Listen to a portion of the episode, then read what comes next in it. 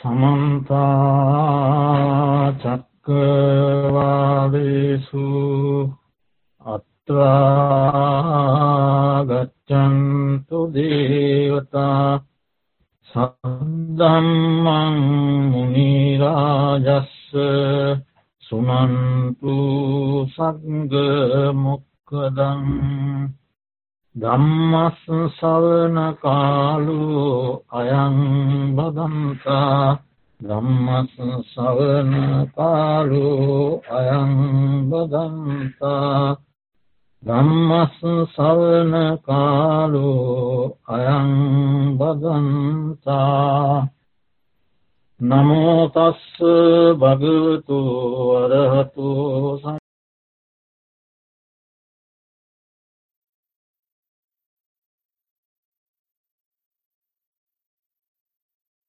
එතවට බුදුරජාණන් වහන්සේගේ ධර්ම දේශනා ක්‍රම හතරක් තියෙන.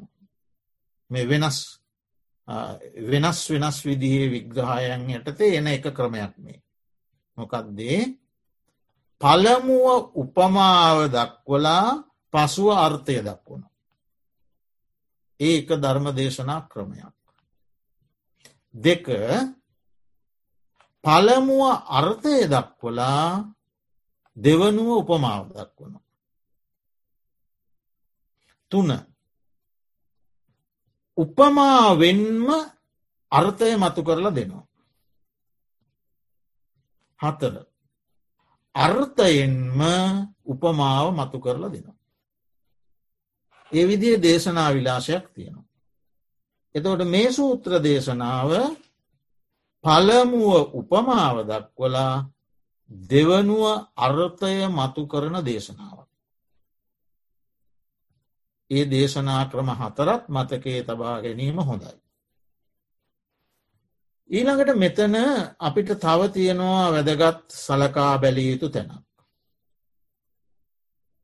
දුග්ගති සුගති කියන වචන දෙක. සිත අපිරිසිදු වූ කල්හි දුගතිය කැමති විය යුතුයි සිත පිරිසිදු වූ කල්ලි සුගතිය කැමතිවිය යුතුයි. අන්නේ වචන දෙක. මේ දුගති කියන වචනය කොටස් දෙකට බෙදෙනවා. පටිපත්ති දුගති ගති දුගති. පටිපත්ති දුගති ගති දුගති. සුගතිය කියන වචනයත් කොටස් දෙකට බෙදෙනවා. පටිපත්ති සුගති ගති සුගති. දැන් ඒ පටිපත්ති දුගතිය නැවත කොටස් දෙකට බෙදෙනවා. අගාරික පටිපත්ති දුගතිය අනගාරික පටිපත්ති දුගතිය. සුගතියත් නැවත කොටස් දෙකට බෙදෙනවා. නෑ දුගතිය දුගතියේ පටිපත්ති දුගතිය කොටස් දෙකට බෙදෙනවා. අගාරික පටිපත්ති දුගතිය අනගාරික පටිපත්ති දුගතිය. ඊළඟට ගති දුගතියත් කොටස් දෙකට බෙදෙනවා. අගාරික ගති දුගතිය අගාරික පටිපත්ති දුගතිය. අනගාරික ගති දුගතිය. ඒ මොකක්ද. යම්කිසි කෙනෙක් ගිහි ජීවිතයක් ගත කරමින් පස්පව් කරනවා නම්. දසාකුසල් කරනවා නම්. කුසල ධර්මයන් නොකරනවා නම්. ඒ පස්පව් දසාකුසල් කරන කුසල දහම් නොකරන ගිහි තැනැත්තාගේ ප්‍රතිපත්තිය. ප්‍රතිපත්ති දුගතියයි. ඊළඟට යම්කිසි භික්‍ෂූන් වහන්සේ නමක්. සීලය ආරක්ෂා කරන්නේ නැත්නම්. සමාධියට ගරු කරන්නේ නැත්නම්. භාග්‍යවතුන් වහන්සේ දේශනා කළ විනයශික්ෂා පිතිබල සැලකිල්ලත් දක්වන්නේ නැත්නම්. ඒ ස්වාමීන් වහන්සේගේ ඒ වැරදි ප්‍රතිපත්තිය ප්‍රති අනගාරික ප්‍රතිපත්ති දුගතිය. දැන් එතකොට අගාරික ප්‍රතිපත්ති දුගතියක් තියෙනවා අනගාරික ප්‍රතිපත්ති දුගතියක් තියෙනවා. ඒ ගිහි පැවිදි බේදය යන්න. ඊළඟට ගත්ති දුගතියත් එහෙම දෙකකට බෙදෙනවා. යම් කිසි ගිහියෙක් පස්පව් දසා කුසල් කොට කුසල දහම් නොකොට නිරය තිරිසං ප්‍රේත අසුර කියන සතර අපායෙන් එහෙක ඉපදුනොත් ඒක අගාරික ගති දුගතිය. යම්කිසි භික්‍ෂූන් වහන්සේ නමක් භාග්‍යවතුන් වහන්සේගේ ප්‍රතිපදාව ආරක්ෂා නොකර ඒ ප්‍රතිපදාවට පිටතින් අකුසල ධර්මයන්හි යෙදිලා මරණින් පතු පසු නිරය තිරිසං ප්‍රේත අසුර සතර අපායේ ඉපදුනහොත්. එඉන්න එක. ඒ උපතට කියනවා අනගාරික ගති දුගති. සුගතියත් එහෙම හතරකට බෙදෙනවා. ඒවා විස්තර කරන්න ඕ නෑ ඒ ඇසුරෙන් තේරුම් ගන්න පුළුවන්. අගාරික ප්‍රතිපත්ති සුගතිය. අනගාරික ප්‍රතිපත්ති සුගතිය. අගාරික ගති සුගතිය. අනගාරික ගති සුගතිය. එහෙම බෙදෙනවා. අන්නේ වචන දෙක ඒ අනුව තේරුම් ගන්ටෝනේ දුගති සුගති. එතවට දැම් බුදුරජාණන් වහන්සේ දේශනා කළේ හිත අපිරිසිදු වූ කල්හි දුගතිය කැමතිවේ යුතුයි. සිත අපිරිසිදු නොවූ කල්හි පිරිසිදු වූ කල්හි සුගතිය කැමතිවිය යුතුයි. ඊළඟට භාග්‍යවතුන් වහන්සේ දේශනා කරනවා මහනෙන මේ සිත කෙලෙසන සිත අපිරිසිදු කරන සිත අපවිත්‍ර කරන. ධර්මයෝ කවරේද? මොනවද ඒ ධර්ම? සිත අපිරිසිදු කරන ධර්ම. මෙතන ධර්ම දාසයක් දක්වනවා. එක අභිජ්ජා විසම ලෝබෝ පසුව අපි විස්තර කරනවා. දෙක ව්‍යාපාදය. තුන ක්‍රෝධය. හතර උපනාහය. පහ මක්හය හය පලාසය. හත ඊර්ෂ්‍යාව. අට මසුරු බව. නමය මායාව. දහය කපටි බව. එකොළහ තම්බය. දොළහ සාරම්භය දහතුන මානය දාහතර අතිමානය පහළොව මදය දාසය ප්‍රමාදය මහනෙන ඔන්න ඔය ධර්මයන්ගෙන් අකුසල ධර්මයන්ගෙන් සිත කෙලෙසෙනවා. අපවිත්‍ර වෙනවා. දැන් අපි බලමු මේ දාසය කෙටියෙන් නමුත් අපි තේරුම් ගන්න උත්සාහ කරමු. එක අභිජ්ජා විසම ලෝබෝ. එහි වචන දෙකක් තිබෙනවා.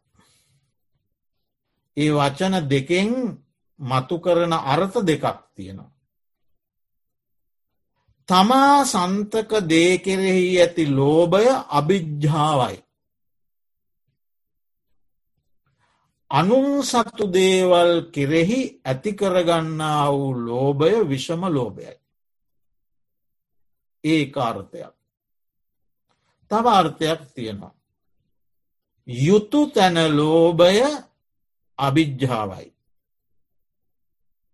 අයුතු තැන ලෝභය විෂම ලෝභයයි. තව තැනක අභිජ්්‍යා යනු දැඩ්ඩි ලෝභයයි කිය නර්ථයකුත් තියෙනවා. විෂම ලෝභය යනු නපුරු දුෂ්ට ලෝභයයි. ඒ නපුරු දුෂ්ට කියලා ඇතන යෙදෙන්නේ ලෝභ කළ නොයුතු තැන ලෝභ කිරීම. එක ඇන්නේ අනු සතු දේ කියන අර්ථයයි. කෙසේ නමුත් මේ දැඩි ලෝභය සිත කෙලෙසනවා. මේකට කාය ගන්ත කියලා වචනයකුත් වෙදෙනවා. අපේ ධර්මය උගන්නනවා කායගන්ත කියලා අස්වභාවයක්. ඒ කියන්නේ මේ ජීවිතයේ අවසාන චුතියයි නැත්තම් මේ ජීවිතය මේ ජීවිතය මරණයට පත්වීමයි නැවත භවයක ප්‍රතිසන්ධියයි. මෙතනින් චොත වනා නැවත තැනක ප්‍රතිසන්ධි ලැබුව. ඒ චුතියයි ප්‍රතිසන්ධියයි එකට ගලපන ධර්මවලට කියනවා කාය ගන්ත කියලා. ගැට ගසනවා කියන එකයි. මෙතනයි එතනයි සම්බන්ධ කරවනවා.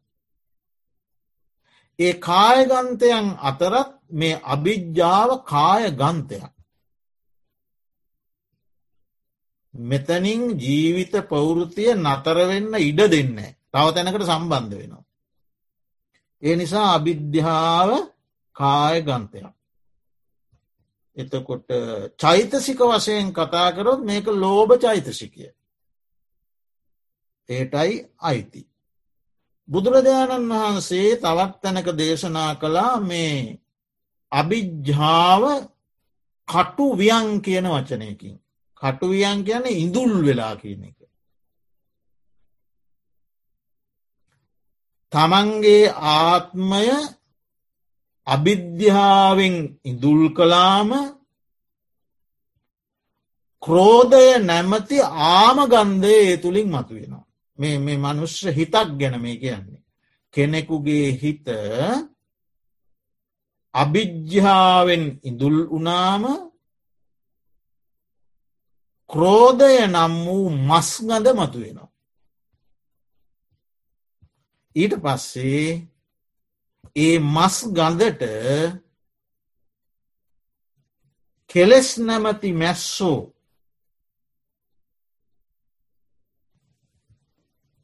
ලුහු බඳිනවා. කෙලෙස් නැමති මැස්සෝ ඒ ඉඳුල් ගඳ කරා ලුහු බඳිනවා. අන්න එතනදී ඉඳුලකට උපමා කළා ලෝභය අභිජ්ජාව ඉඳුලක් ඉතින් භාග්‍යවතුන් වහන්සේ දේශනා කරනවා යම් කෙනෙක් තමන් දැඩි ලෝභ බවෙන් යුක්ත නම් තමා තුළ දැඩ්ඩි ලෝභයක් තියෙනවා. ඒ ලෝභය ඔහු අනිත් අයටත් සමාදන් කරවනවා නම්. අනිත් අයටත් ලෝභ වෙන්ඩ කියලා උගන්නනවන සමාදන් කරවනවන. ඒ ලෝභය අනුදැන වදාරණවන් අනේ අනේ කමන්න එහෙම හොඳයි ඒ විදිහට කරන්න කියලා ලෝභය අනුදැන වදාරනවා නම්. ඒ ලෝභයේ ගුණ කියනවන. දැන්තට ධර්මතා හතරයි. මොකදද තමන් ලෝභයෙක් දැඩි ලෝභයෙක්. තවත් කෙනෙක් ඒ ලෝබේ සමාධන් කරවන. ඒ ලෝබේ අනුදනවදාරනවා. ඒ ලෝබේ ගුණ කියනවා. බුදුරජාණන් වහන්සේ දේශනා කරනවා ඔසවාගන සිටි බරක් බිම තියෙනවා වගේ. බොහොම පහසුවෙන් ඔහුට පුළුවන් නිරයගාමී වෙන්ඩ. ඒ ධර්මතා හතර තියෙනවනම්. ඉතිං ඒවා දුරු කළ යුතු ධර්ම. ඊළඟට භාග්‍යවතුන් වහන්සේ වදාරනවා යම් කිසි කෙනෙක් මේ ලෝභය සිත කිල්ලිටු කරන ධර්මයක් යැයි දැනගෙන. ඒ ලෝභය ප්‍රහාණය කරනවා නම් ප්‍රාණය කරන්න උත්සාහවන්ත වෙනවා නම් ඔහු ප්‍රඥාවන්තයෙක් ඥානවන්තයෙක්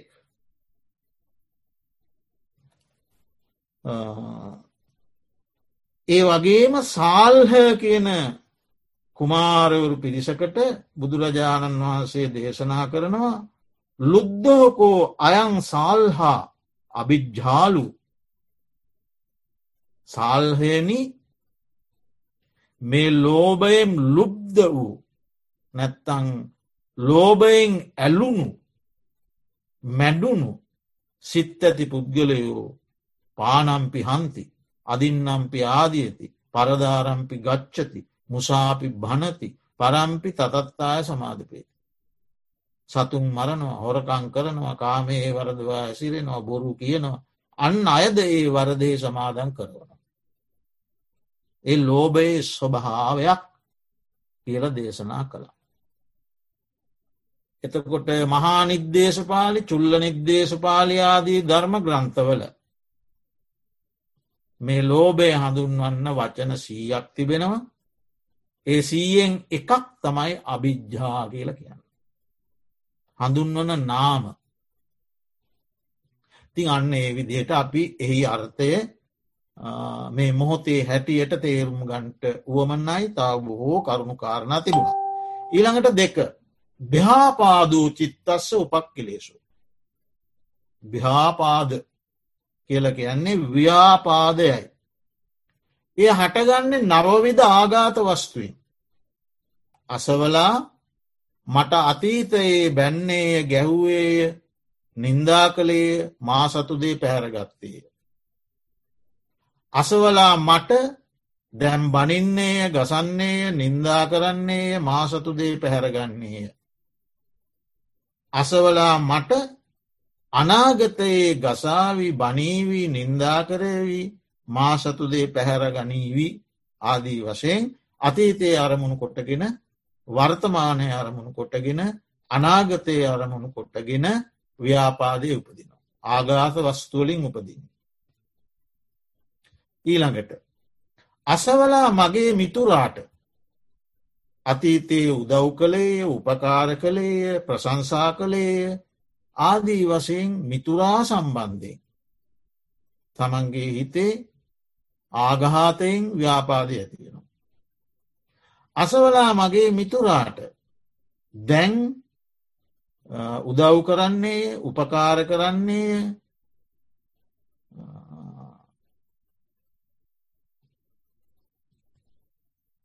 අසවලා මගේ මිතුරාට දැන් බනින්නේ ගසන්නේ දොස් කියන්නේ නින්දා කරන්නේ ආදී වශයෙන් වර්තමානය අරමුණු කරගෙනත් උපදිනවා. අසවලා මගේ මිතුරාට අනාගතයේ දොස්කියාවී ඔහු සතුදේ පැහැරගනීවී ඔහුට අනර්ථයක් කරාවී ආදේ වශයෙන් සැකය මත පදනම් වෙලත් ව්‍යාපාදය උපදිනවා. ඊළඟට. අසවලා මගේ හතුරාට අතීතයේ උදව් කරේය උපකාර කළේය ඔහුට ඔහුට ප්‍රශංසා කළේය ආදී වශයෙන් හතුරාරමුණු කරගෙනත් ඇතිවෙනවා. අසවලා මගේ හතුරාට දැන් උදව් කරන්නේ උපකාර කරන්නේ ප්‍රශංසා කරන්නේ. අසවලා මගේ හතුරාට අනාගතයේ උදව් කරාවී උපකාර කරාවී ප්‍රශංසා කරාවී ඔය කියන ආකාර නමේ කුමන ආකාරයකින් හෝ ඇතිවෙන පටිගය ගැටීම නිසා ව්‍යාපාදය උපදින්න පුළුවන්.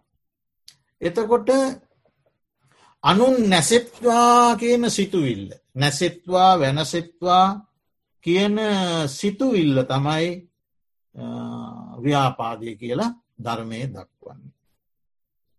තමන්ගේත් යහගුණ නසල අනුන්ගේත් යහගුණ නසන්නට තරම් මේ ව්‍යාපාදය හේතුවක්. කුණු වෙලා තියෙන බත්වේවා පිට්ටුවේවා වෙනත් වෑංජනයක් වේවා බඳුනකින් වසා තියෙනවා. යම්කිසි කෙනෙක් ඒ වසා තියෙන බඳුන ඇරිය හම අර මුලින් පිරිසිදුවට තිබුණු සුගන්ධවත්ව තිබුණු ඒ ආහාර වර්ගවල මුල් ගති නැති වෙලා. වෙනසකට භාජනය වෙලා. දුගද හමන ස්වභාවයට පත්වෙලා. එතකොට මේ මුල් ගති නැසීම තමයි එතෙන්දි වෙලා තියෙන්නේ. ව්‍යාපාදයෙන් වෙන්නෙත් මුලින් තිබුණ ස්වභාවික යහපත් සුන්දර ගති නැතිව යනවා. ඒ ගති නැති කරලා දානවා. සිත අපිරිසිදු කරනවා. ඒ එහි ස්වභාවයයි. ඒ ව්‍යාපාදයක් කාය ගන්තයක්. මේ භවයත් ඊළඟ භවයත් සම්බන්ධ කරන ගැට ගැසීම. ඒ දෙවැනි සිත කෙලෙසෙන උපක්ලේසේ. තුන් අනුව. කෝදෝ චිත්තස්ස උපක්ලේසෝ ක්‍රෝධය කිපෙන බව. අර ආගාත වස්තුූන් වලින් හෝ අප්‍රිය අරමුණක සිත ගැටීමෙන්. අප්‍රිය වූ රූපයක් වේවා අප්‍රිය ශබ්දයක් වේවා අප්‍රිය ගන්ධයක් වේවා අප්‍රිය රසයක් වේවා අප්‍රිය ස්පර්ශයක් වේවා ඒ කුමකින් හෝ අරමුණක සිත ගැටිලා. සමහර විට ක්‍රමක් ක්‍රමයෙන් ක්‍රමක් ක්‍රමයෙන් මේක වර්ධනය වෙලා. අවසානයේ අනුන්ද නසා විනාසකොට තමන්ගේ ජීවිතය පවා නසාගන්නා තත්ත්වයට මේ කෝදය වර්ධනය වෙලා යෑමේ තත්ත්වයක් තියෙනවා. අපි සමහර විට ජනමාධ්‍ය තුළින් දකිනවා මුළු පවුලේම සියලු දෙනා විනාස කරලා විනාස වෙන මිනිස්සු. ඒ අර මුලින් හටගන්නා කිපෙන ස්වභාවය දිගින් දිගට වර්ධනය වෙලා ගිල්ලා ඇතිවෙන තත්ත්වයක්. බුදුරජාණන් වහන්සේ දේශනා කරනවා යම්කිසි පරණ තුවාලයක් වනයක් ඒකේ ස්වභාවය තමයි ලේ සැරව වහනය කිරීම කුණු ඌතුවාලයක. ඉතින් යම් මිනිසෙක් මේ තුුණු කුළු කුණු ඌතුවාලයට කැට කැබලිත්තකින් පහර දුන්නොත් ඒ තුවාලයෙන් වහා වැගිරෙනවා ඕජාව. සැරව සහ කුණු. ඒ වගේ මේ ක්‍රෝධය අර්ථ දක්වනවා පරණ වනයකට හා සමානයි.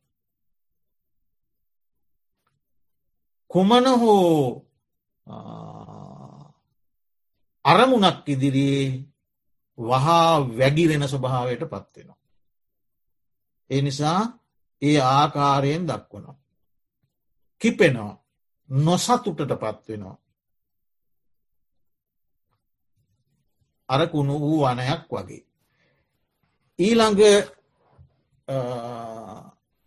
උපක්ලේශය උපනාහ වෛරය බද්ධ වෛරය උදාහරණයකින් දක්වනවා ගිනියගුරු ස්වල්පයක් තියෙනවා අලු යට සැඟවිලා. හැබැයි අවස්ථාවක් ලැබූ සැනින් ඒ ගිනි අගුරට පුළුවන් ප්‍රදේශයක් විනාශ කරන්න. ගමක් විනාශ කරන්න. ඒ වගේම ඒ නිවෙස් ඇතුළත තියෙන නොෙක් දේවල් විනාශ කරලදාන්ට ඒ ගිනි අගුර තුළ ශක්තියක් තියෙනවා. ඒ වගේ දීර්ඝ කාලයක් චිත්ත සන්තාන තුළ යටපත් කරගෙන යටපත් කරගෙන යටපත් කරගෙන එන ලද.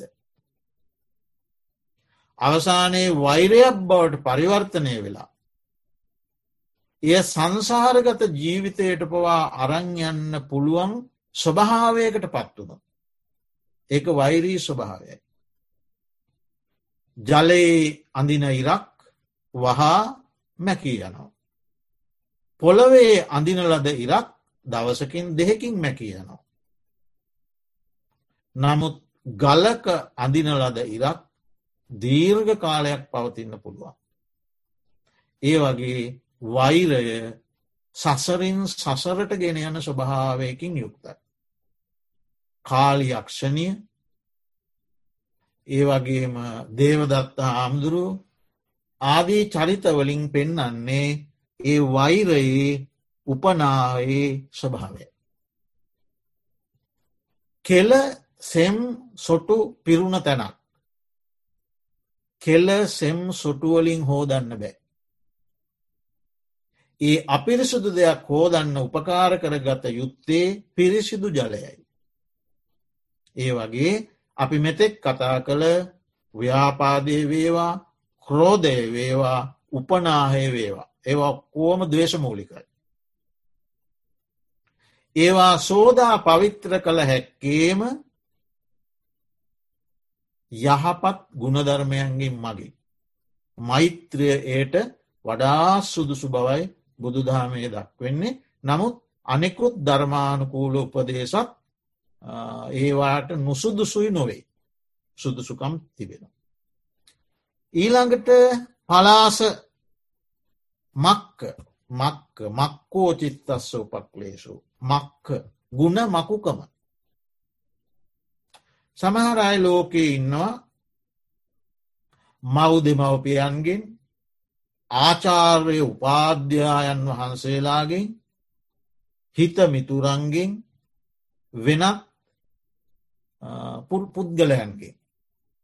තමන්ගේ ජීවිතය ඉහලට නංවා ගැනීම සඳහා නොෙක් ආකාරී උදව් උපකාර සලසාගෙන. ඒ අගේ උදව්වෙන් උපකාරයෙන් තමන්ගේ ජීවිතය ගොඩ නගාගෙන යම් මට්ටමකටාවට පස්සේ. අර සියල්ල අමතක් කරනවා. ඒගොල්ලු මට මොකක්ද කළේ ඒගොල්ලු මට කළ දෙයක් නෑ මම මගේ සුව ශක්තියෙන් මේ තත්ත්වයට පත්වනේ ආදී වසයෙන් කියමින් අර තමන්ට කළ උපකාර සියල්ල මකාදාන ස්වභාවයක් තියෙනවා. ඒක උපක්ලේශයක්. ඒ තමයි මක්ක ස්වභාවය. එක තබාගත යුතු දෙයක් නෙවෙයි. ඊළඟට පලාස සමාන කොට ගැන්ම ඔය සමහර මාන්නාධික ආය තුළ ඒක තියෙනවා. ඒ අයට සිල්වතුන් ගුණවතුන් යෝගාවචරයන් දෙහානලාබීන් ඒ වගේම වැඩිහිටි උතුමෝ ගුණ නුවනින් උතුම් පුද්ගලයෝ උසස් පුද්ගලයෝ ඒ කිසි කෙනෙක් මායිම් නොකර ඒ අයට අත පය තියෙන මටත් අත පය තියෙන ඒ අයට ඇස් දෙකක් කන් දෙකක් හිසක් තියෙනවා මටත් තියෙනවා ඒඇගේ අපේ අතර තියෙන වෙනස්කමමොකක්ද. එහෙම වෙනසක් මිනිසුන් අතර නෑ. ආදී වශයෙන් අර උසස් ගුණවන්ත අයගේ ජීවිත පහත් කරලා. ඒ අයගේ ජීවිතයි තමන්ගේ ජීවිතයයි සමානකොට සලකන ස්වභාවයි. ඒක ක්ලේෂයා. එක මාන්‍යයක්ත් එක්ක බැඳුණු ක්ලේෂ ධර්මය පලාසූ. ඊළඟට ඉස්සා චිත්තස්ස උපක්ලේසු ඊර්ෂයාව. අනුන්ගේ වන්දන පරවන්දන මානන පූජන නොයිවසන ස්වභාවය. තවත් කෙනෙක් වැදුම් ලබනවට පිඳුම් ලබනවට සත්කාර ලබනවට ගරුකාර ලබනවට වන්දනමානන ලබනවට ලාභ සත්කාර ලබනවට අකමැති ස්වභාවේ. ඊර්ෂ්‍යාව. එතකොට එය සමහර විටක අනිකාගේ හැකියාව විනාශ කිරීමට උත්සාහ කරනවා. ඒ හැකියාව විනාශ කිරීමට ඒ අවස්ථා විනාශ කිරීමට තමාට නොහැකි නම් ඒ වගේ දුර්ුවලකම්බල්ල සතුටේනවා. විනාශ කළ නොහෙක්ක තැන කරන්නේ දුර්ුවල කම්බල්ල සතුටුවෙන එක. ඒ ඉස්සාාවේ ස්වභාවේ. එයත් සිත කෙලෙසෙන උපක්ලේස ධර්මයක්. ඊළඟට මච්චරිය මසුරු බව. ඒ මසුරුකම ඇතිවෙනවා තැම් පහක් කෙරෙහි. ආවාසමච්චරිය කුළමච්චරිය වන්නමච්චරිය ලාභමච්චරිය ධම්ම මච්චරිය. ආවාස මච්චරිය කියන්න තමන් වාසය කරන තැන ආවාසය. ඒ ආවාසයට තවත් කෙනෙක් එනවා දකින්නට ඇති අකමැත්ත. ආවාසෙහි මසුරු බව. කුලයෙහි මසුරු බව. තමන්ගේ කුලවලින් තවත් කෙනෙක් සංග්‍රහ ලබනුවට ඇති කැමැත්ත. අකමැත්ත. සංග්‍රහ ලබනවාට ඇති අකමැත්ත. කුළමච්චරී. තවත් කෙනෙකුගේ ගුණයක් වර්ණනා කරනවාට ඇති අකමැත්ත. වන්න මච්චරිය. තවත් කෙනෙක් ලාභ සත්කාර ලබනවාට අති අකමැත්ත. ලාභ මච්චරිය. තවත් කෙනෙක් ධර්මය ඉගෙනගන්නවාට ගුණ නුවනින් දැනුවත්කමින් ඉහලට යනවාට ඇති අකමැත්ත. දම්මච්චරිය. ඒ මච්චරිය පහ. එතවට ඒ මසුරුකම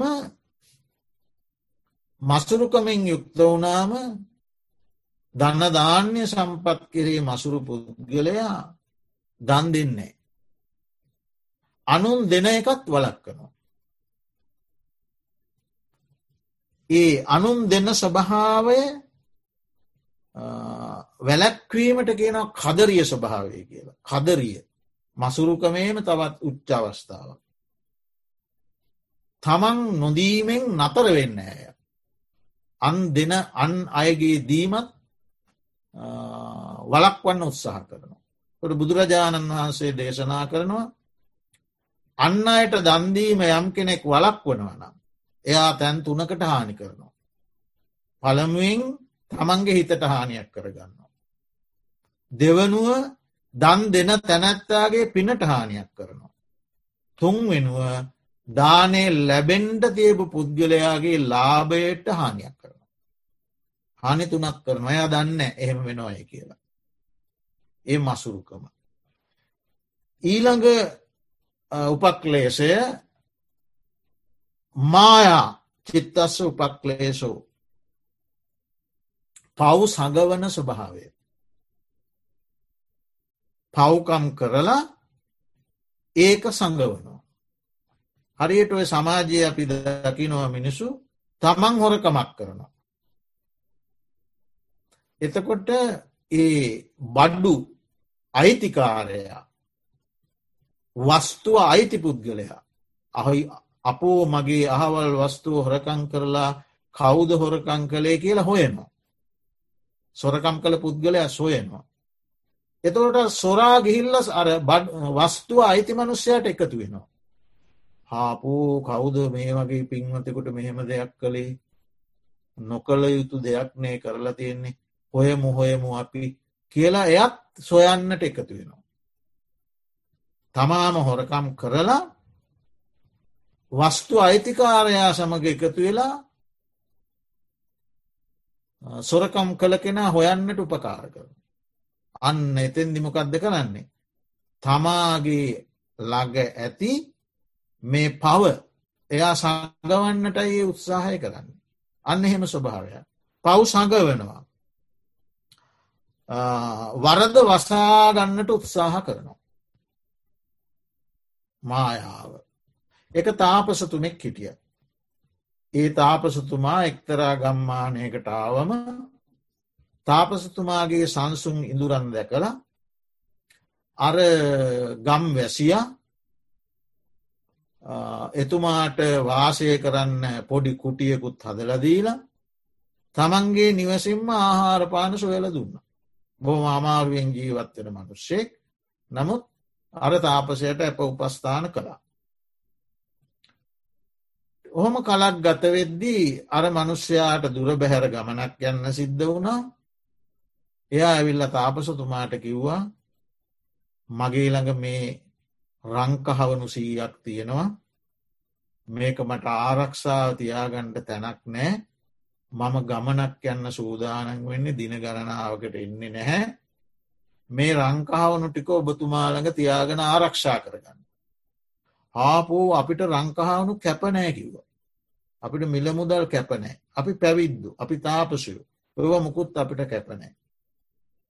එහෙනම් මම මේ අහවල් තැන වලක් කැනලා ආරක්ෂිතුව ඒ වලේ තැම්පත් කරලා යන්නකිව. ඕ ඔබ එහෙම කරන්න කිව මම ඉතින් ඕවට මගින් හානියක් වෙන්න ෑන මම මේ ඉන්න නිසා සොද සතුරෙක් කෙන්නෙත් නෑ එහෙම කරන්නේ. පස්සේ ඉතින් මේ මනුෂ්‍යයාර තාපසයා කෙරේ විශ්වාසයෙන් කහවුණු සීය තැන්පත් කළා.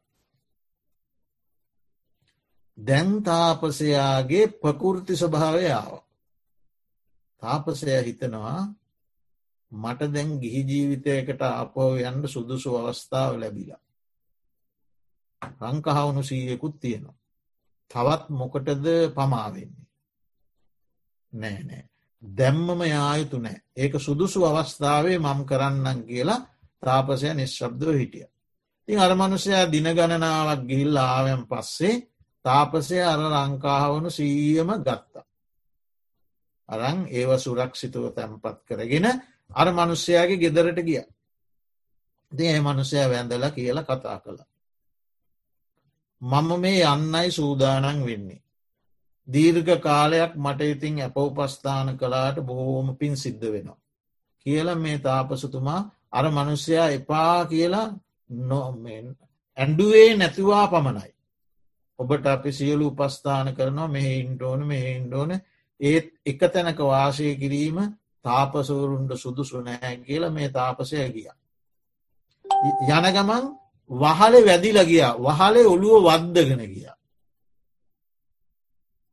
වහලේ ඔළුව වද්දගෙන ටිකක් ඈතට ගිහිල්ලා ආපහු හැරිලාව.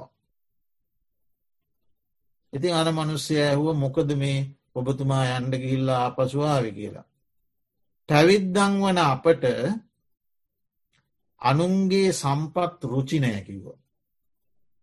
මං ඔබට කතාබහ කරලා යන අවස්ථාවේ ඔබගේ වහලයේ වහලතිබුණු ඒ පිදුරු ගහක් ඒ ඒලා ඉන්දියාවේ පිදුරු වෙනුවට පාවිච්චි කළදී ඇති ඒ ගසක් ඒ කෙන්දක් මගේ මේ ජටාවේ වැහිල තියෙන. ඒ තනපතක් පමණ දෙයක්වත් අපිට සුදුසු නෑකිව අනුන්ගේදී. කියල මේ තනපත ගන්න කිව්ව. අනේ ඉතින් අර මෝඩ මනුෂ්‍යයා තනපත ගත්තා. ඇරං වඩාත් ප්‍රසාදයෙන් නැවතත් වැන්ද. තින් අර තාපසය ගියාට පස්සේ එදා අපේ බෝසතාණන් වහන්සේ ඇවිල්ල හිටිය.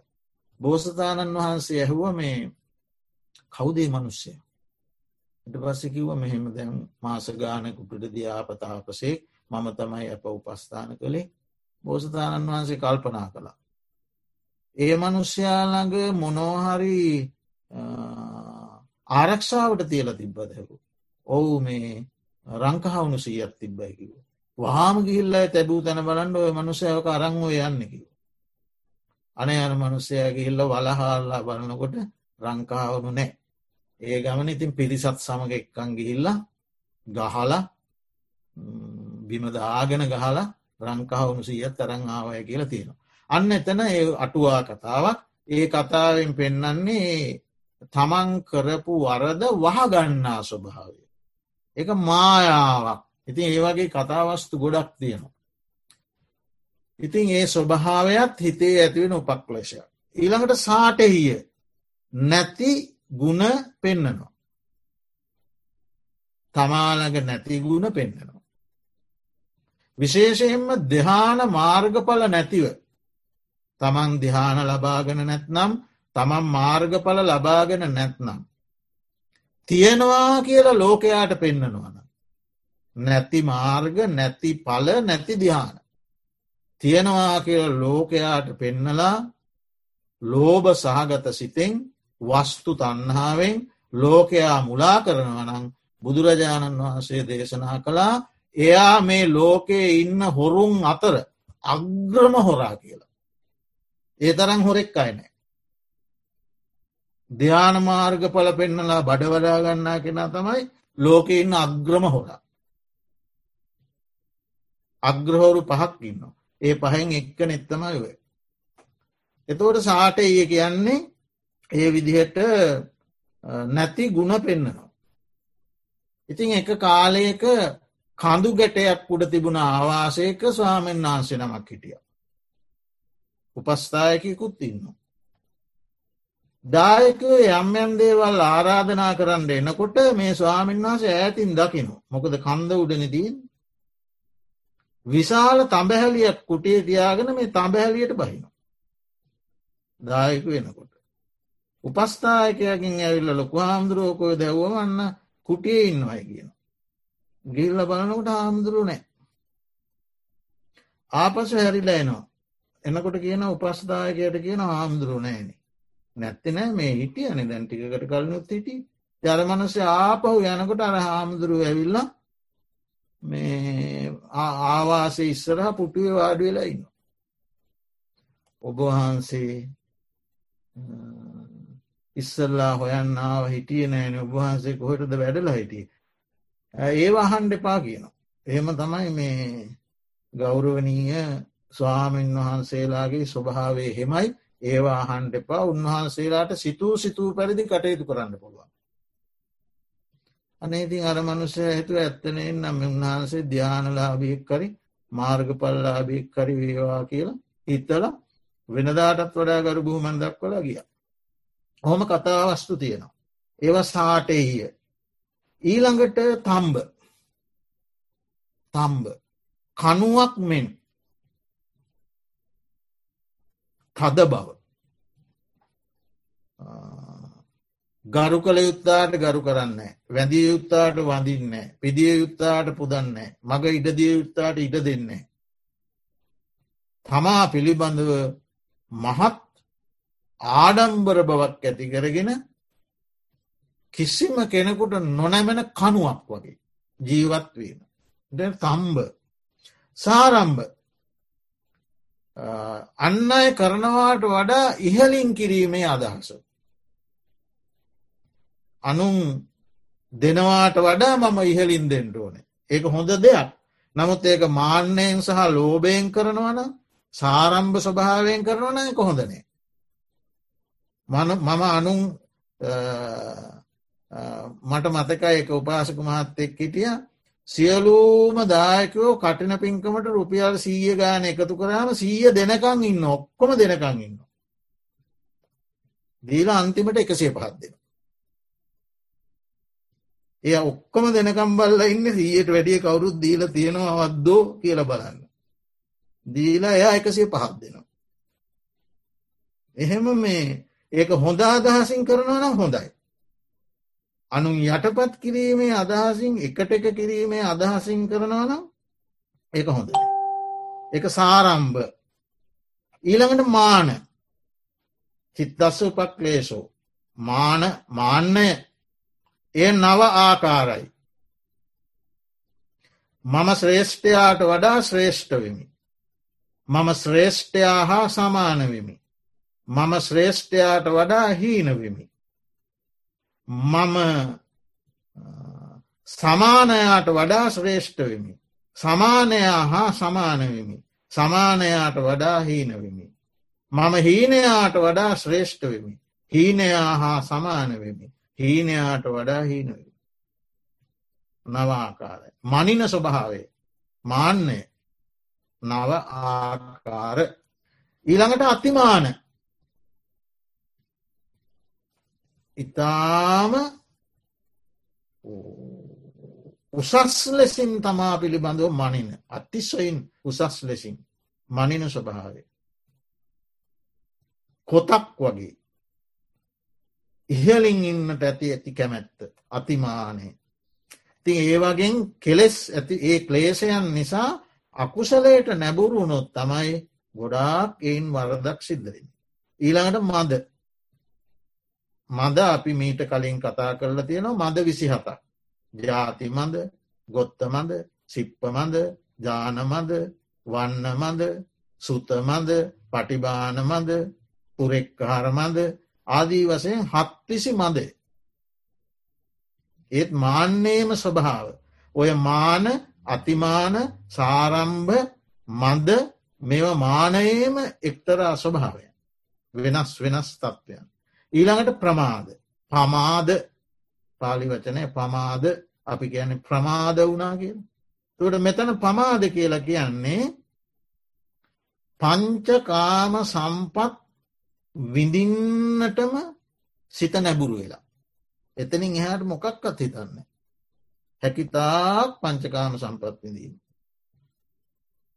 බරපතල නැබුරුවයට තියෙන්. එහිම ඒ දෙනවා. එතකොට දෛනික කටයුතු සියල්ලම එයාගේ යෙදිල තියෙන්නේ කාම සම්පත්තු දෙසා. එක ප්‍රමාදවීම පමාවක් යම් කුසලෙහි නොයදීමක් හිත කුසලේ යෙදෙන්නේ නෑ ප්‍රමාදයි. ඒ වගේම කුසලය සකස්කොට නොකරන බව. පිළිවෙලකට නොකරන බව. ඕනෑකමින් නොකරන බව. බලවත් චන්දයෙන් නොකරන බව.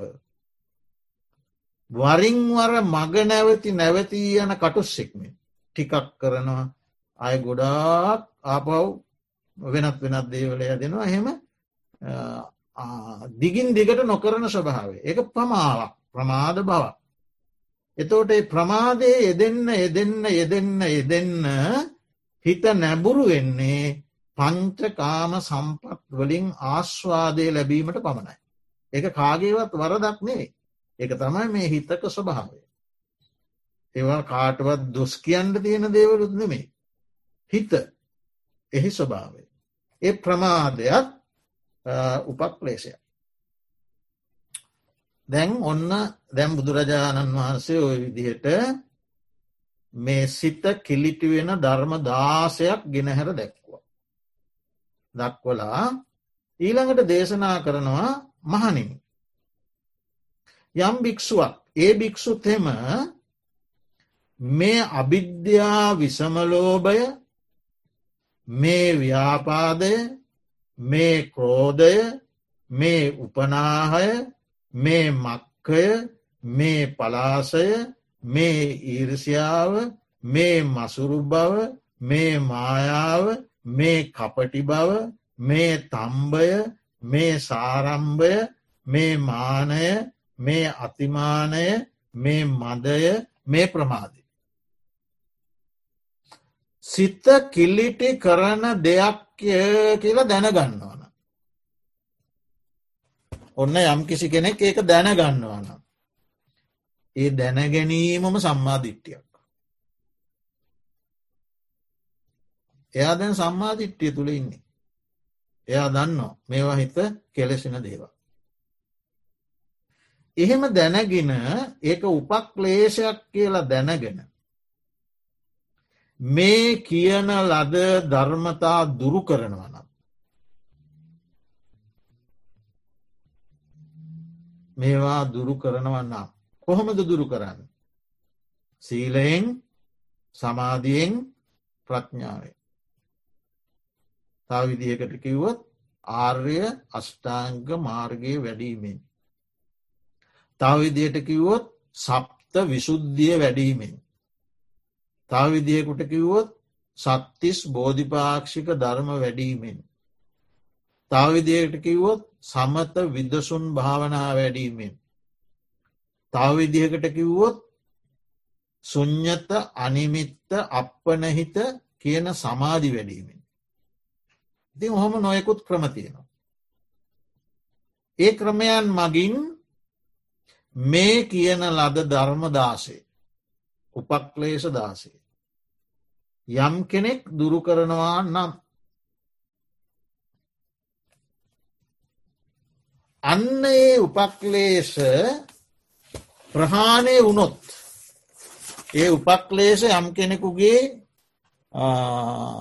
ප්‍රහාණය වනානම් එහෙම දැනගෙන යා ප්‍රහාණය කරන්න වෙරවඩනවන අර මලින් මම මුලින් කිව්ව විවිධ ක්‍රමයන්ගින් තමන්ගේ චරිතයට ගැලපෙන ක්‍රමයක් උපකාර කරගෙන එයා මේ උපක්ලේශයන් දුරු කරනවා. ප්‍රහාණය කරනවා. ඒ ප්‍රහාණය කළොත් එයාට දැන් ඇතිවෙනවා බුදුරජාණන් වහන්සේ පිළිබඳව. ධර්මරත්නය පිළිබඳව. ආර්ය මහා සංගරත්නය පිළිබඳව අවෙච්චක් පසාදයක්. ඒ කෙලෙස් දුරුවෙන්ඩ දුරුවෙන්ඩ. දුරුවෙන දුරුවෙන පමණින්. දුරුවෙන දුරුවෙන මට්ටමින් ස්වභාවයෙන් එයාට ඇති වෙනවා බුදුරජාණන් වහන්සේ පිළිබඳ ධර්මය පිළිබඳ මහා සංගරත්නය පිළිබඳව අවෙච්චප් ප්‍රසාදයක් නොසෙල්වෙන ගුණ දැන හඳුනාගෙන ඇතිකරගත්ත පැහැදීම. ඒක නොදැන පැහැදීමක් නෙමේ. ගුණ දැන පැහැදීමක්. ඒ භාග්‍යව සම්මා සම්බුදු රජාණන් වහන්සේ ඒ කාන්තයෙන්ම අරහන්නේ. සම්මා සම්බුද්ධය විද්‍යාචරණ සම්පන්නය සුගතය ලෝකවිදූය අනුත්තර පුරිසි දම්ම සාරතීය සත්තා දේව මනුස්සානන්නේ බුද්ධය භගවත්තය.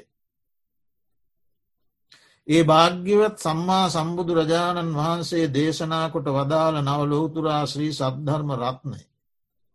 ස්වක්කාතය සන්දිිට්ටිකය අකාලිකය ඒහි පස්සිකය ඕපනයිකය පච්චත්තං වේදි තබ්බෝ විඤ්ඥෝහිය.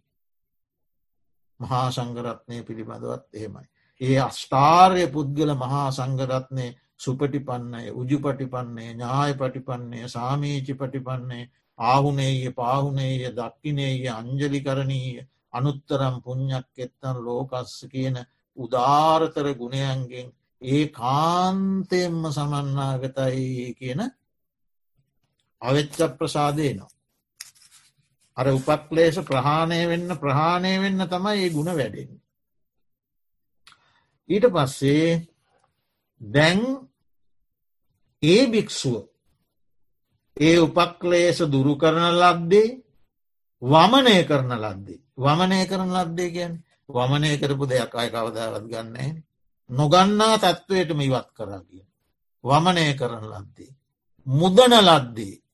මුදනවා කියල කියන්නේ බැඳල තිබ්බ දෙයක් ලිහෙනවාන එතවට දැම් මේ ගොඩාත් දේවල්ට බැඳිල හිටිය. දැම් මුදලා ලිහල දාලා. මුදන ලද්දේ. බැඳීම් නෑ ප්‍රහීන කරන ලද්දේ. දුරු කරන ලද්දේද. අන්න.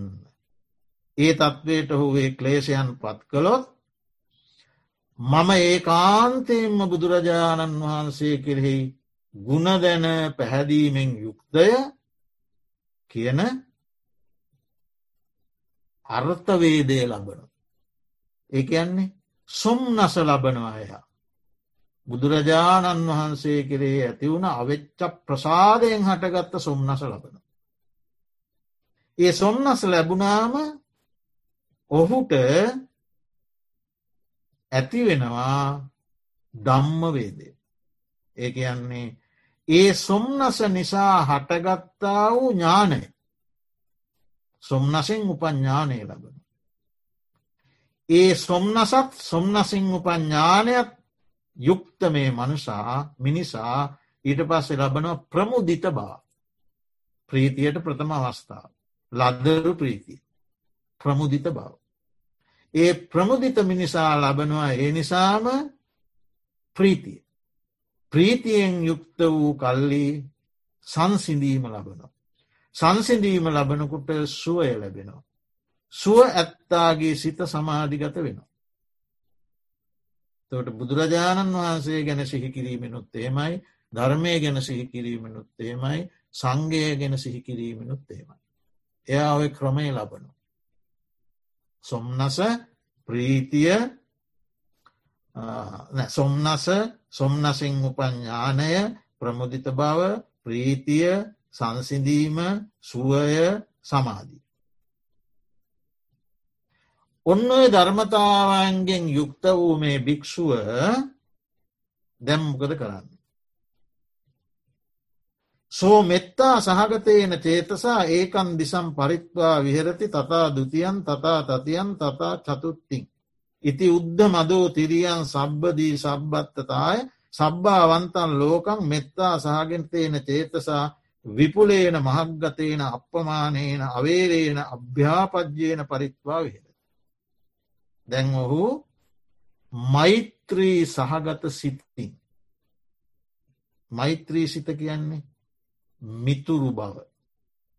හැම දෙනා කෙරෙහි පැතිරවීමට සුදුසු මෙත් සිත. ඒ සිත ඔහු එක් දිසාවකට දිසා දෙකකට දිසා තුනකට දිසා හතරකට උඩ දිසාවට යට දිසාවට සරස අනිකුත් සියලු දිසාවන්ට. සියලූම දිසාවන් කෙරේ. අනිකුත් සියලූම සත්වයෝ තමන් හා සමානකොට ගැනීමෙන්. දැංගතුට පුද්ගල බේදනෑ.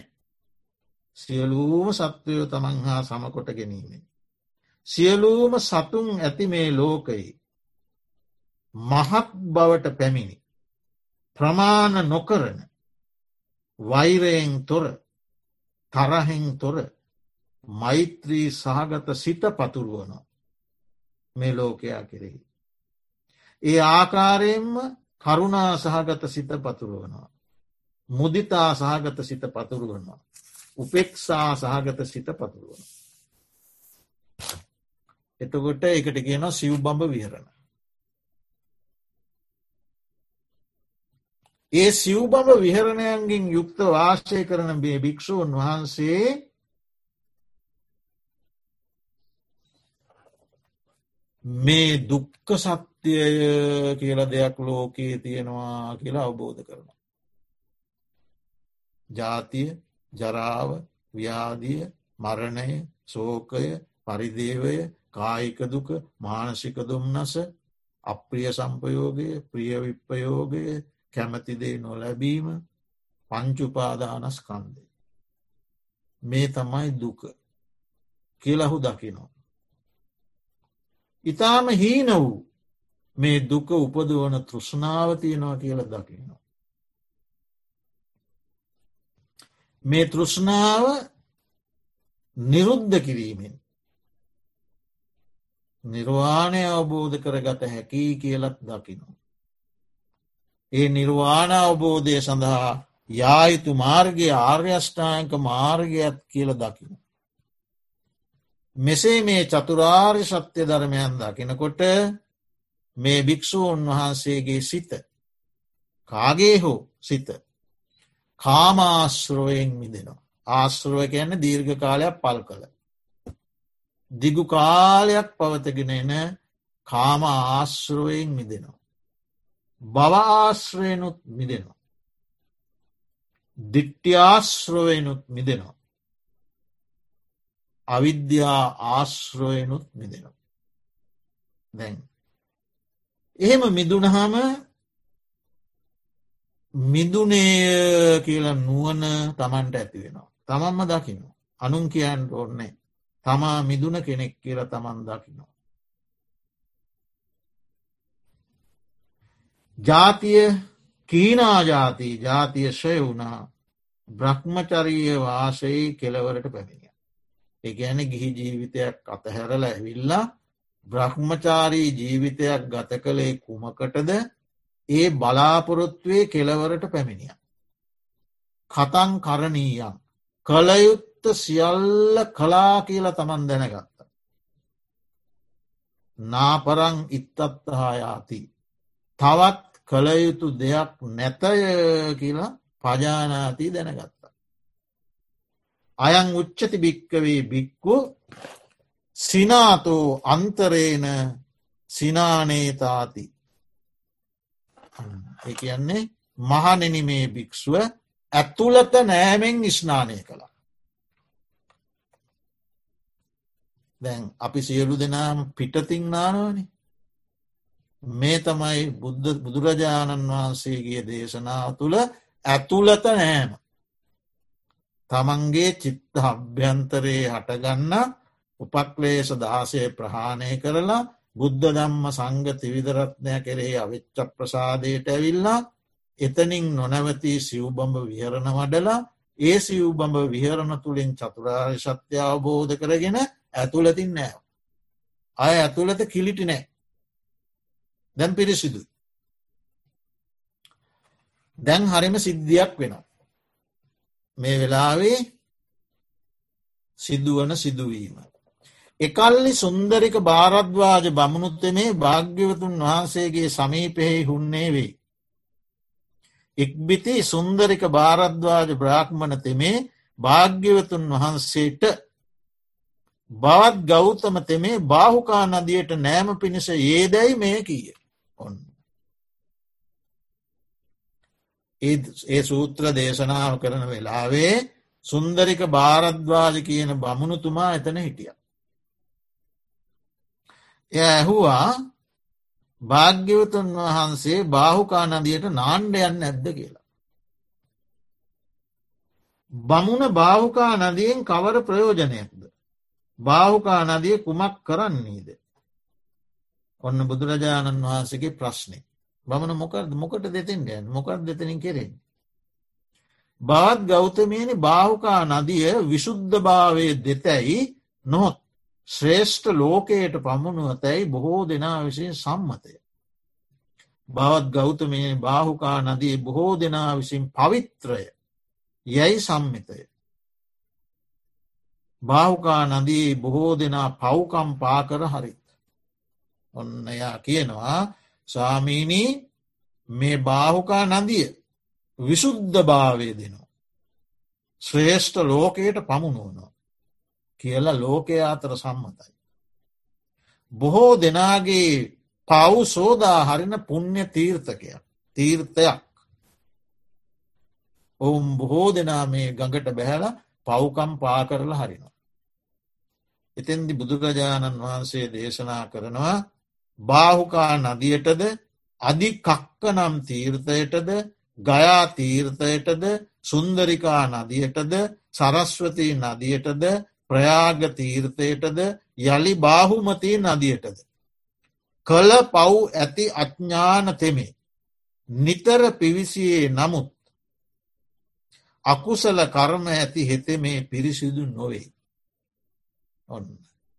කළ පව් ඇති මිනිසා බාහුකා අධිකක්ක ගයා සුන්දරිකා සරස්වති ප්‍රයාග බාහුමති. මේ මොනවට බැස්සත් පිරිසිදුවෙන් නෑකිව. සුන්දරිකා නදිය කුමක් කරන්නේද. ප්‍රයාග තීර්ථය කුමක් කරන්නේද. බාහුකා නදී කුමක් කරන්නේද. වෛර ඇත්තා වූ කළ රලුකම් ඇත්තා වූ පාප කරමයෙන් යුක්ත වූ ඒ නුවන නැති මිනිසා පිරිසිදු නොකෙරේ. වෛරයෙන් යුක්ත රලුකම් කරන පාපකර්මයෙන් යුක්ත ඥානය නැති මිනිසා පිරිසුදු කරන්නට ඒ තීර්ථවලට බෑකිව. පිරිසිදු වූ ඔහුට හැම කල්හිම උතුරු පල්ගුණ නැකතවේ. ඔන්න බුදුරජාණන් වහන්සේගේ අර්ථය. පිරිසිදු වුණ පුද්ගලයාට හැම්ම කාලයම උතුරු පල්ගුණ නැකතක් උතුරු පල්ගුණ නැකත කියලා කියන්නේ මැදින් මාසේ නැගෙනහිර අහසේ පායන තරුවක්. ඒක බලල තමයි ඉන්දියාවේ ඉන්න බොහෝ ජෝතිශ්‍යයන් නැකත් හදන්න. බුදුහාමුදුරෝ දේශනා කරනවා පිරිසිදු වූ පුද්ගලයාට හැම මොහොතම උතුරු පල්ගුණ නැකතක්. පිරිසිදු වූවට හැම කල්හිම පොහොයවේ ඔහුට හැම දවසක්ම පොහොය. පිරිසිදු වූ පරිශුද්ධ කරම ඇත්තහුගේ වෘතය වෘතය හැම කල්ලී සමුෘද වේ. එකන්නේ ඔහු යම් වෘතයක් වෙනුවෙන් බලාපොරොත්තුවක් වෙනුවෙන් කටයුතු කරනවන ඒ වෘත්තය සමුෘද වෙනවා. බ්‍රාහ්මණය මෙහිම ස්නානය කරව. අඩගෙව වරෙන් මගේ ළඟට මෙන්න මෙතනම නාන්නකිව මේ මං කියන නෑම නාන්නකිව. සියලු සතුන් කෙරෙහි මෛත්‍රී කරව. බොරු නොකයාහි නම් සතුන්ට හිංසා නොකරෙයි නම් නොදුන්දේ නොගනී නම් සද්දා ඇත්තෙහි නම් මසුරු නොවෙහි නම් ගයාවට ගොස් කුමක් කරන්නේද. තාගේ ලිඳත් ගයාවක් ඔන්න මදිද. උඹගේ ලිඳත් ගයාවක් ඔබෝ යන නදියට යා එතුමෑ. මොනව ඇත්තන්ද. මෛත්‍රී කරමින් බොරු කියන්න ඇත්තං සතුන්ට හිංසා කරන්න ඇත්තං නොදුන්දේ ගන්න ඇත්තං සද්ධාව තියෙනවනං මසුරු නැත්නම් මොකටද ගයාවට යන්නේ. උඹගේ ගෙදරත් විදක් කිව. මෙසේ කී කල සුන්දරක් භාරද්වාජ බ්‍රහ්මණ තෙමේ භාග්‍යවතුන් වහන්සේ ඉතා මැනව භාග්‍යවතුන් වහන්සේ ඉතා මැනව බවත් ගෞතමයන් වහන්ස යටිකුරු කරන ලද්දක් උඩුකුරු කරන්නේ යම්සේද වැසුණු දෙයක් වැැහුම් හරින්නේ යම්සේද මං මුලා වූවහුට මග කියන්නේ යම්සේද ඇස් ඇත්තහු රූප දකින්නාහුයි අන්දකාරයෙහි තෙල් පහලක් දන්වන්නේ යම්සේද. එපරිද්දෙන්ම බවත් ගෞතමයන් වහන්සේ විසින් නොෙක් අයුරින් ධර්ම දේශනා කරන ලදී. ඒ මම බවත් ගෞතමයන් වහන්සේ ධර්මයක් සංඝයාත් සරණකොට යමි. මම බවත් ගෞතමයන් වහන්සේගේ සමීපයෙහි පැවිද්ද ලබන්නෙම්වා උපසම්පදාව ලබන්නෙම්වා. බලන්න මේ මනුස්සයගේ තියෙන විශේෂක්තේ. මෙහෙමයි හුඟක් දැකල තියෙනම ත්‍රිපිටක ධර්මය. මෙයා කලින් වෙන දෘෂ්ටියක් කරන්න හිටිය. වෙන දෘෂ්ටියකට අනුගත වෙලා හිටිය. එකට බැහැගෙන හිටිය. ඒක ඒ නිසාතම මෙයා පවහෝ දන්න ගඟටිකි. නමුත් බුදුරජාණන් වහන්සේ එක්ක දේශනයයි කළේ. එයා තමන් වැරදි මතයක වැරදි දෘෂ්ටියක වැරදි අදහසක ඉන්නවා කියලා පිළිගණ්ඩ තමන් නිහතමානය වුණා. ඒක කොතෙක් දුරට ඉහලට ගියාද කියනවනම් මම ඔබවාන්සේ ළඟ මානවෙන්ඩත් කැමතිකිව. ඉතිං සුන්දරික භාරද්වාජ බ්‍රහ්මණත මේ භාග්‍යවතුන් වහන්සේගේ සමීපයේ පැවිද්ද ලැබීය. උපසම්පදාව ලැබීය. ආයුෂ්මත් භාරද්වාජ තෙමේ උපසම්පන්න වී නොබෝ කල් ඇත්තේ එකලා වූයේ වෙන් වූයේ එළඹ සිට සිහි ඇත්තේ කෙලෙස් තවන වැර ඇත්තේ නිවන් පිණිස මෙහෙවන ලද සිත් ඇත්තේ නොබෝ කලකින්ම යම් අර්හත්වයක් සඳහා කුලපුත්‍රයෝ මනාව ගිහිගෙන් වික්ම පැවිද්දට පැමිණෙද්ද. මාර්ග බ්‍රහ්මචරිහි අවසානය වූ ඒ උතුම් අරිහත් පලය මේ ආත්මයේදීම තෙමේම දැනගෙන ඊට පැමිණ වාසය කළේය. ජාතිය ශයවිය බඹසර වැස නිමවන ලදී. සිව් මග කිස කරන ලදී. මේ රහත් බව පිණිස කළ යුතු අන් කටයුත්තක් නැතැයි දෙනගත්තේ. ආයුෂ්මත් භාරද්වාජයන් වහන්සේ රහතුන් අතරින් එක්තරා කෙනෙක් වූහ කියලා සූත්‍රය දැක්වේ. එතකොට අන්න ඒ විදිහට මේ වත්වූපම සූත්‍රයේ අපි මේ සූත්‍ර දේශනාව දීර්ග වශයෙන් සාකච්ඡා කරන්න කරුණ තියෙනවා. බුදුගුණ නමය දහම් ගුණහාය සඟගුණ නමේ ආදී කරුණු ඊළඟට සතර බ්‍රහ්ම විහරණ මෙවා දීර්ග වශයෙන් සාකච්ඡා කළ යුතු දේවල්.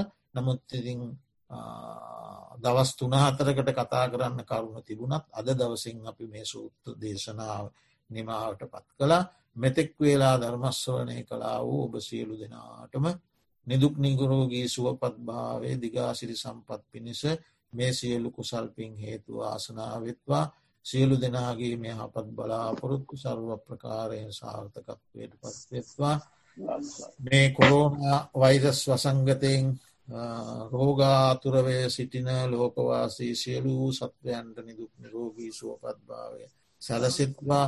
පරලෝසපත් සියලු දෙනාටම මේ පින් ඔවුනුන්ගේ ආයිති භවයන් සුවපත් කර ගැනීම පිණිස හේතුවා සනාවෙත්වා සුන්දරික භාරද්වාජ බ්‍රාහ්මණතුමාට මෙන් අපිටත් මේ සම්බුද්ධ ශාසනය පිහිට කොටගෙන උතුම් අරිහත්වයෙන් අමාමහ නිර්වාණය සාක්ෂාත් කර ගැනීම සඳහා සියලූම පින් හේතුවාසනා විත්වා කියලා පින් අනුමෝදන් කරමු